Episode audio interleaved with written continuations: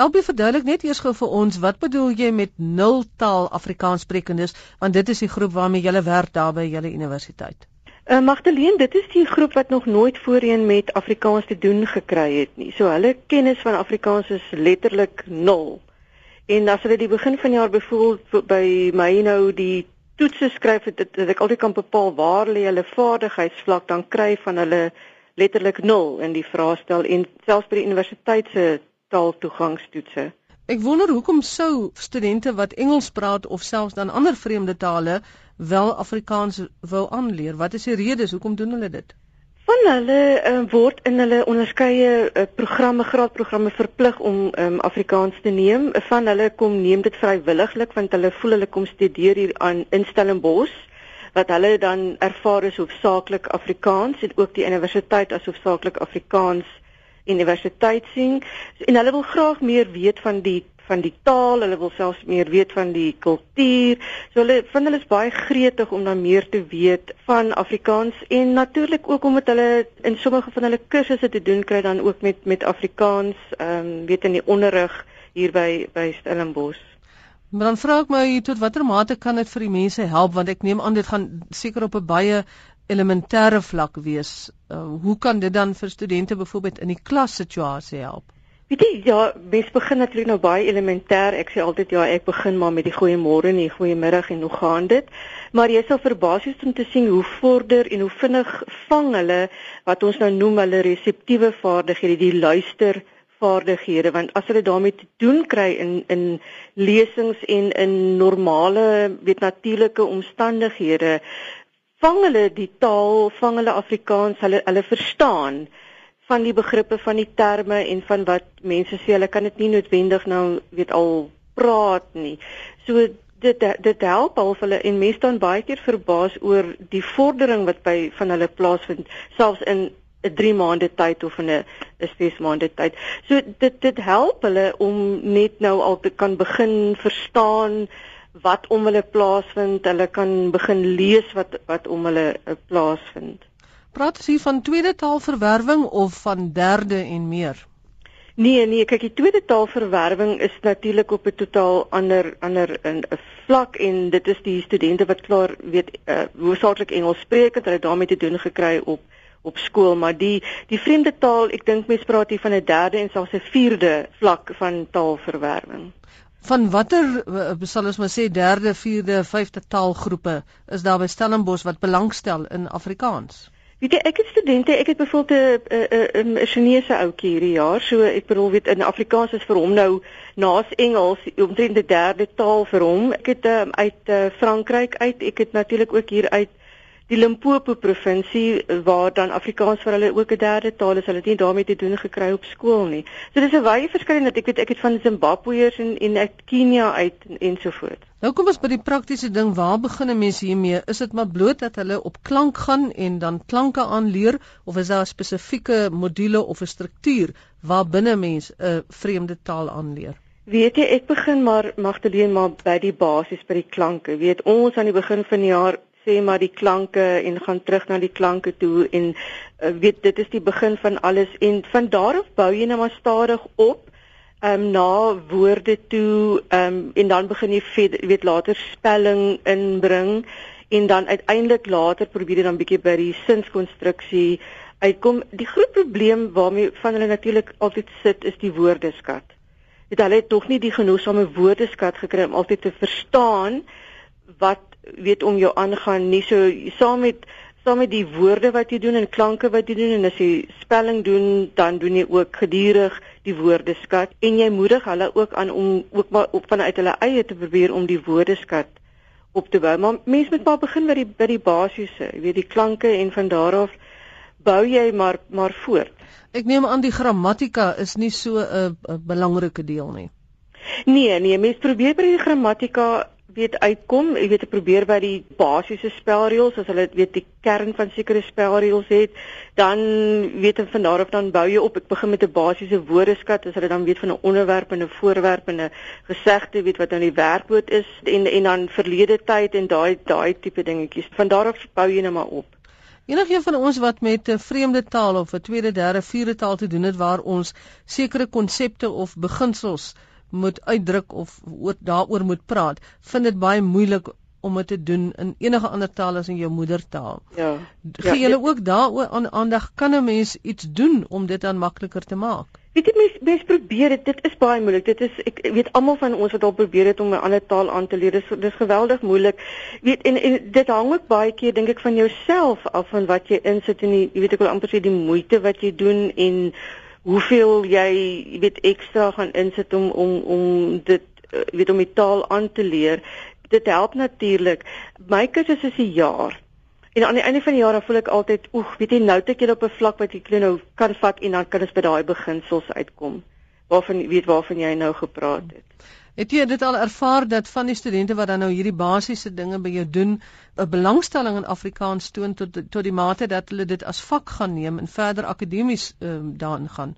op hierdie stadium is die kursus so saamgestel dat dit nie kan doen nie, maar hulle kom vra altyd aan die einde van die jaar en die begin van die jaar weet uh, vir 'n tweede jaar en wat hulle kan kan doen en om nog steeds by Afrikaans betrokke te kry. So mense probeer dit doen. Ons werk daar aan die departement om dit uit te brei na 'n tweede jaar toe. Maar van weet van hulle doen self moeite. Dit is ek staan altyd verbaas as ek van hulle 2 of 3 jaar of selfs 4 jaar later op die kampus hier raakloop en dan wat hulle met my praat en dan het hulle al so gevorder. Dit is weet dit is verbasend om te sien hoe hulle dan al gevorder. Dit gaan dan ook saam met hulle kursusse wat hulle neem en en en in hoe mate hulle hulle met Afrikaans daarmee te doen kry in in hulle vaardighede. So net tong en kies vir baie studente het Afrikaans eerste taal, moedertaal ook eintlik al 'n vreemde taal geraak. Ja. Leer julle vir hulle ook weer hoe om hierdie vreemde taal te bemeester? Ehm um, ja, weet jy my kollegas by die by die by die Afrikaanse Nederlands by die eerstejaars daar doen, ek dink hulle doen baie moeite om om die studente hierdie Afrikaans te hierdie akademiese Afrikaans te leer. Dit was Dr. LB Adendorf van die Departement Afrikaanse Nederlands van die Stellenbosch Universiteit. Sy is die kursuskoördineerder Afrikaanse taalverwerwing. Voordat ons verder gaan met ons program net 'n ander interessantheid. Vroeger verjaar hier in Februarie was daar 'n kompetisie in die Verenigde Koninkryk en dit is deur 'n uitgewer uitgeskryf. Hulle het die meertaligste student gesoek. En die wenner is toe die 20-jarige Alex Rawlings van die Oxford Universiteit.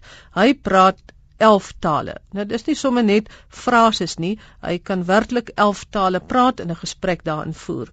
Engels, Grieks, Duits, Spaans, Russies, Nederlands, Afrikaans van alle tale, Frans, Hebreeus, Katalaans en Italiaans. Luister gou, hoe klink dit wanneer hy in al 11 tale uh, ietsie sê?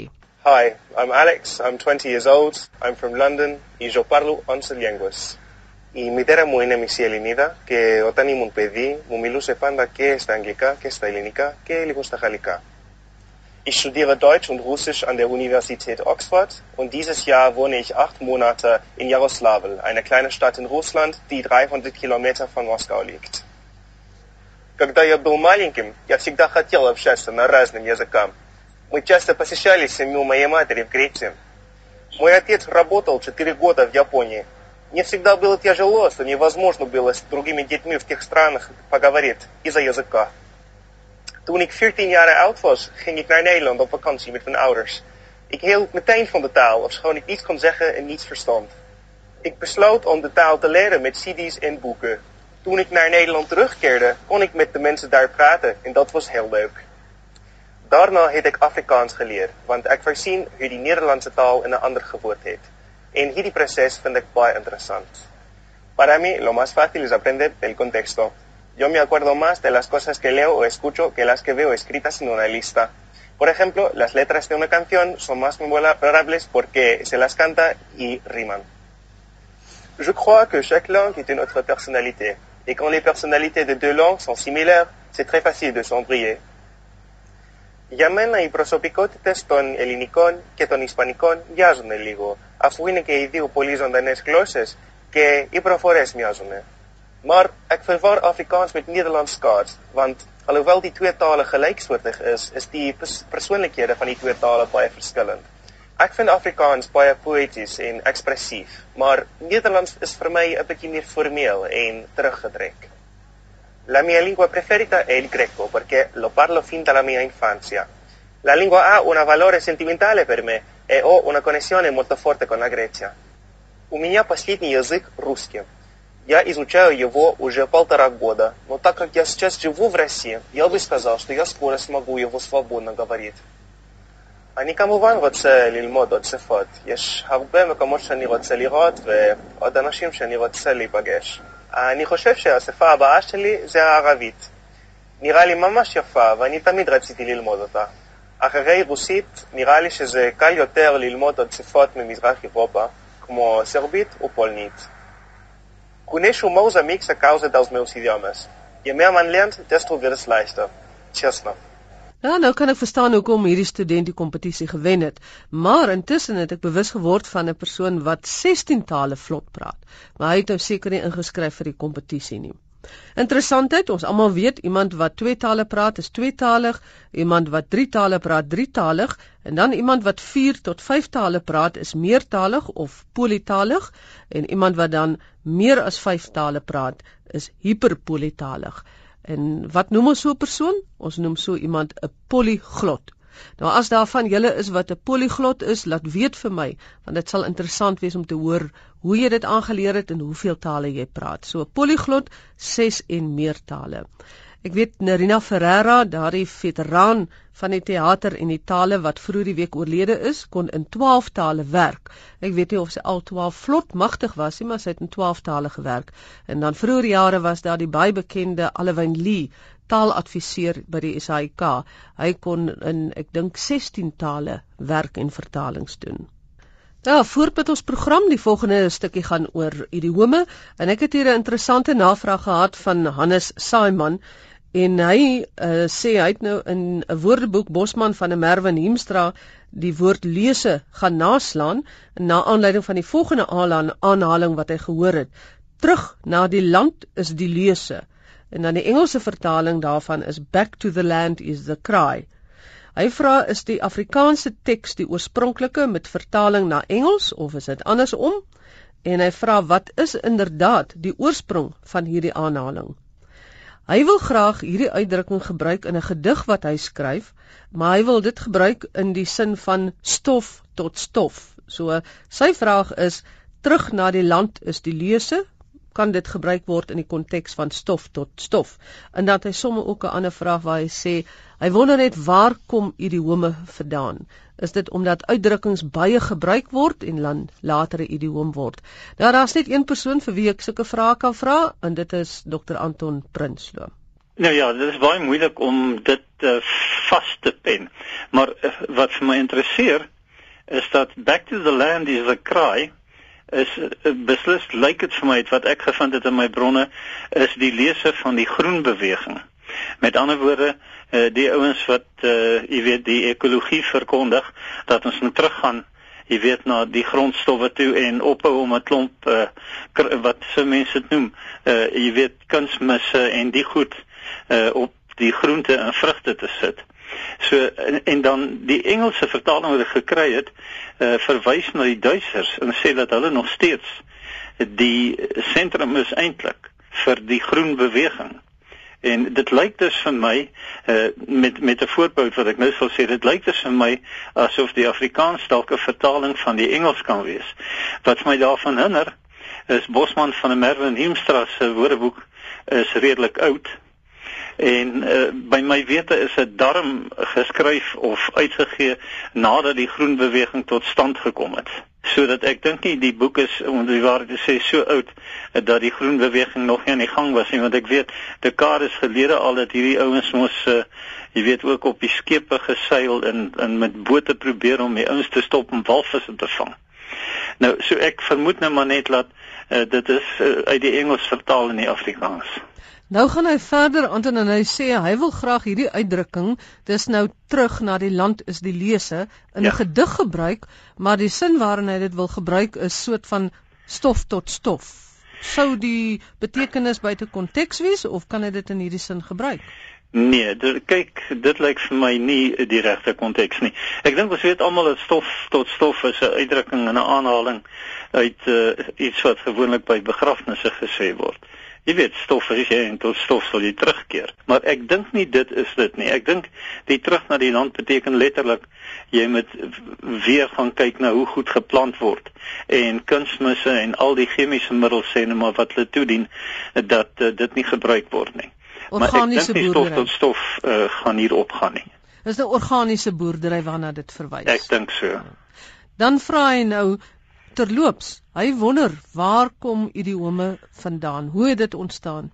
Kyk, die een ding wat dink ek wat waar is, is dat uh, baie van die idiome en dit was juis deel van al die pret wat ek gehad het met idiome of spreekwoorde dan en waar hulle vandaan kom, is dat ons juis nie weet waar dit klomp uh, vandaan kom nie, maar dan aan die ander kant weet ons waar dit klomp vandaan kom. Jy weet nou byvoorbeeld suurdruiwe om maar een te noem, is 'n fabel van Esopus. 'n Ander aan jou borskoester lyk of dit uit die Bybel kan kom, maar dis ontleen aan 'n fabel van Esopus. Jakkals prys sy eie stert, 'n fabel van Esopus. Nou Esopus vermoedelik het hierdie goed geskryf so 6 eeue voor Christus. Dit interesseer my dat dit so oud kan wees. In uh, spreekwoorde waar hulle vandaan kom, het ek ek dink 323 uh, gevalle gekry wat uit die Bybel uitkom uh, jy weet men dit is kyk as 'n mens bou nie 'n huis op sand nie. Jy weet die soort van ding. Daar's ook byvoorbeeld liewer 'n uh, dapper hond as 'n dooie leeu wat uit prediker uitkom.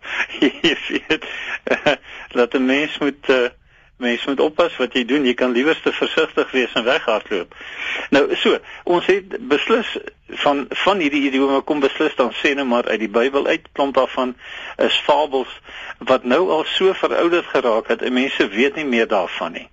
Jy weet soos die ander aan jou borskoester wat 'n hele storie is van 'n houtkapper wat op pad huis toe is en 'n slang sien lê in die sneeu en hom in sy bors letterlik binne in, in sy klere sit en dan by die huis weer half warm maak en dan net sodra die slang lekker is dan pik hy sy kinders. Dis om goed te doen aan iemand wat dit met kwaad vergeld. En dan is ek seker is daar is daar aanhalinge uit ander werke wat net dalk al so bekend geword het. Jy weet soos wat die Engelse Hamlet se to be or not to be dalk al kan wees. Daar is byvoorbeeld die ding van René Descartes, die Franse filosoof uh, onder andere. Uh, ek dink daarom is ek. En dit, dit is goed wat ek dink soveel keer herhaal is dat uh, mense dit nou maar net so ken, maar niemand vra meer waar kom dit vandaan nie. Dis maar net omdat die gebruiksfrekwensie baie hoog is. Absoluut. Dan word dit eintlik later 'n sê ding. Ja, en en mense het dit gehoor van moeders knie af as dit ware. Jy weet dat jy hierdie goed gehoor en niemand het ooit gaan sit en vra maar hoekom is praat jy van suur druiwe nie, jy weet. Die die feit dat die druiwe so suur was dat die jakkals dit nie kon bykom nie, laat hy vir almal gaan vertel dat ag man, ek wou nie die druiwe eers gehad het nie want hulle is suur. So ek dink dit is maar net 'n uh, kwessie klomp daarvan is tradisie. Dit is natuurlik die pret daarvan is om die oorsprong te gaan probeer navors. Maar dan moet ek vir jou sê daar is honderde en miskien ek sê self duisende wat niemand eintlik sal weet meer hoekom is dit snaaks of hoekom is dit dan 'n idioom nie. Dr Anton Prinsloo oor die herkoms van idiome en spesifiek oor 'n navraag van Hannes Saiman oor of hy die uitdrukking terug na die land is die lese kan gebruik in die sin van stof tot stof. Hannes, ek hoop jy het die antwoord en dat jy kan voortgaan met jou gedig. En nou is dit tyd vir ons taalspeletjie saam met Gerard van Huisteen en sy gas. Ek het 'n vriendelike e-pos van Nicole Olivier, 'n leerder van Hoërskool Nysna gehad, wat 'n vraag of wat gehad het oor los en vasskryf in Afrikaans. Nou, geïnspireer deur haar vraag, het ek toe 'n klompie vrae vir ons taalspeletjie saamgestel wat handel oor die dikwels moeilike probleem van los en vasskryf. Nou, ek lees 'n woord in 'n sinskonteks en jy moet besluit of dit los, vas of met koppeltekens vasgeskryf word. Kom ons val weg. Stap maar soontoe daar na my huis toe. Stap maar soontoe daar na my huis toe. Die volgende een. Toe hy hom nerf af geval het, het ek my ners afgelag. Toe hy hom nerf afgeval het, het ek my ners afgelag. Nadat hy bo oor die hondjie gery het, kan ons inderdaad sê dat die hondjie nou boaards is nadat hy bo oor die hondjie gery het, kan ons inderdaad sê dat die hondjie nou boaards is. En ons laaste voorbeeld vir die dag. As jy elke dag stywe pap eet en 'n stywe dop drink, gaan jy nie meer in jou stywe broek pas nie. As jy elke dag stywe pap eet en 'n stywe dop drink, gaan jy nie meer in jou stywe broek pas nie. Nou om ons te help met hierdie kwessie van los en vasskryf in Afrikaans, het ek vir Solien Pilon van die Val Driehoek kampus van die Noordwes Universiteit gevra om ons te kom bystaan. Het jy vir ons 'n algemene beginsel of twee oor los en vaskryf in Afrikaans? Mense sê altyd hulle het op skool geleer dat ehm um, wanneer 'n woord in Afrikaans een begrip is, moet mense dit as een woord skryf. En dit is 'n goeie reël, maar dit is heelwat meer kompleks as dit helaas, want iets soos groen boom byvoorbeeld is ook een begrip, maar groen boom word in Afrikaans as twee woorde geskryf omdat groen 'n byvoeglike naamwoord is wat die selfstandige naamwoord boom beskryf. So dit is 'n goeie reël om te dink as dit een begrip is gebruik net een woord daarvoor, maar mense moet wel 'n bietjie meer versigtig wees as dit. Goed, kom ons kyk dan na die eerste geval. Stap maar soontoe daar na my huis toe. In hierdie eerste voorbeeld moet soontoe een woord geskryf word, aangesien die AWS in reël 1455 sê dat bywoorde wat met toe verbind vasgeskryf moet word. So dieselfde geld ook vir woorde soos ondertoe en boontoe en buitentoe. Waar hulle nou wel setsels is, maar dan verbind hulle met toe en dan skryf ons hulle vas aan mekaar. Presies, presies so. En dan huis toe aan die ander kant moet twee woorde geskryf word omdat reël 1454 in die AWS bepaal dat 'n selfstandige naamwoord wat met toe verbind soos kamer toe en tronk toe en skool toe moet altyd los geskryf word in Afrikaans. Ons volgende voorbeeld was nerf af teenoor ners af. Nou net gou-gou, wat is die verskil tussen nerf en ners? Nerf verwys spesifiek na jou vel en dan eintlik meer spesifiek na die riffelagtigheid wat op op wat jy op jou vel kry. So as jy jou nerf afgeval het, dan beteken dit eintlik dat jy jou velle afgeval het. En ners aan die ander kant verwys na jou agtersteewe. So as jy jou ners aflag, dan het jy lekker gelag vir iets wat met iemand verkeerd geloop het. Nou skryf ons dan nerf af vas of los? Nerf af moet as een woord geskryf word omdat dit 'n uh, samestelling is wat bestaan uit 'n selfstandige naamwoord en 'n setsel, maar wat in hierdie geval optree as 'n bywoord wat die werkwoord geval beskryf. So nerf af verduidelik hoe jy geval het. Ners af aan die ander kant moet as twee woorde geskryf word, want ners af, die selfstandige naamwoord en die setsel tree nie saam op as een bywoord wat die werkwoord gelag beskryf nie. So in die geval van nerf af kan ons sê eintlik dit vervang met hart. Ek het hard geval Precies en in ners af het ek my knie oop gelag. Presies, presies. Hoop nie jy het nie. Uh in ons volgende voorbeeld, nadat hy bo oor die hondjie gery het wat ook vir ons heel ongelukkig is, kan ons inderdaad sê dat die hondjie nou bo aards is. Bo oor in hierdie geval moet as een woord geskryf word want die AWS sê dat as 'n setsel met 'n setsel kombineer om 'n bywoord of 'n byvoeglike naamwoord te vorm, dan moet dit vasgeskryf word. Wanneer dit egter as 'n setsel optree, so as jy sê eh, die koei spring bo oor die maan, dan mag jy daai bo oor los of vasskryf. En in die geval van bo-oor het ons nog die spesiale ding dat daar drie o's langs mekaar gaan staan en daarom skryf ons bo-oor met 'n koppelteken vas. Uh agterin byvoorbeeld het jy nie nodig om 'n koppelteken daarin te sit nie want daar is nie 'n vokaal opeenhoping wat ehm um, uitspraakprobleme kan veroorsaak nie. En in die geval van boaards, is dit los of vas en wat doen ons daar met die uh, opeenhoping van vokale? Boaards word ook as een woord geskryf en aangesien daar tussen die o en die a's nie uh, uitspraakprobleme eintlik is nie, kan boaards sonder 'n koppelteken vasgeskryf word. En boaards is dan gewoon 'n samestelling wat bestaan uit 'n setsel en 'n byvoeglike naamwoord en lees by reël 14.3 in die AWS meer daaroor. Uh en dan ons laaste geval stywe pap, stywe dop in stywe broek.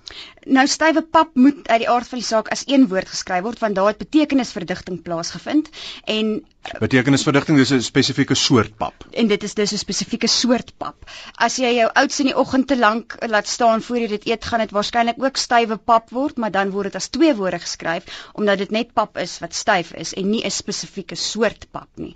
Stywe pap dus een woord. Stywe dop aan die ander kant moet as twee woorde geskryf word want in die HAT word een van die betekenisonderskeidings van stywe of van styf gegee as ruim. So stywe dop beteken 'n ruim dop, so jy gaan lekker baie daarvan kry. En ruim het hier niks te doen met 'n dop wat jy drink terwyl jy in 'n een of ander vuurpyl is of so.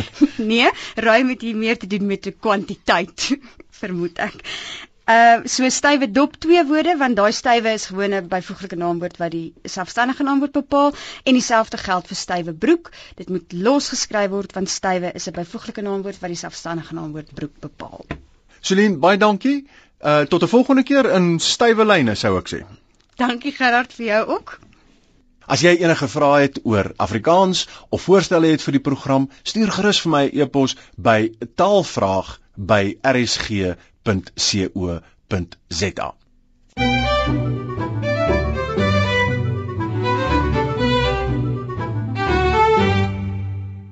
Ja, ons is op skool so ingedrul, huis toe twee woorde, skool toe twee woorde. Hoop jy onthou dit ook nou vorentoe. Dit is al van die tale wat ons praat, Magdalene Kreer wat groet tot volgende Sondag.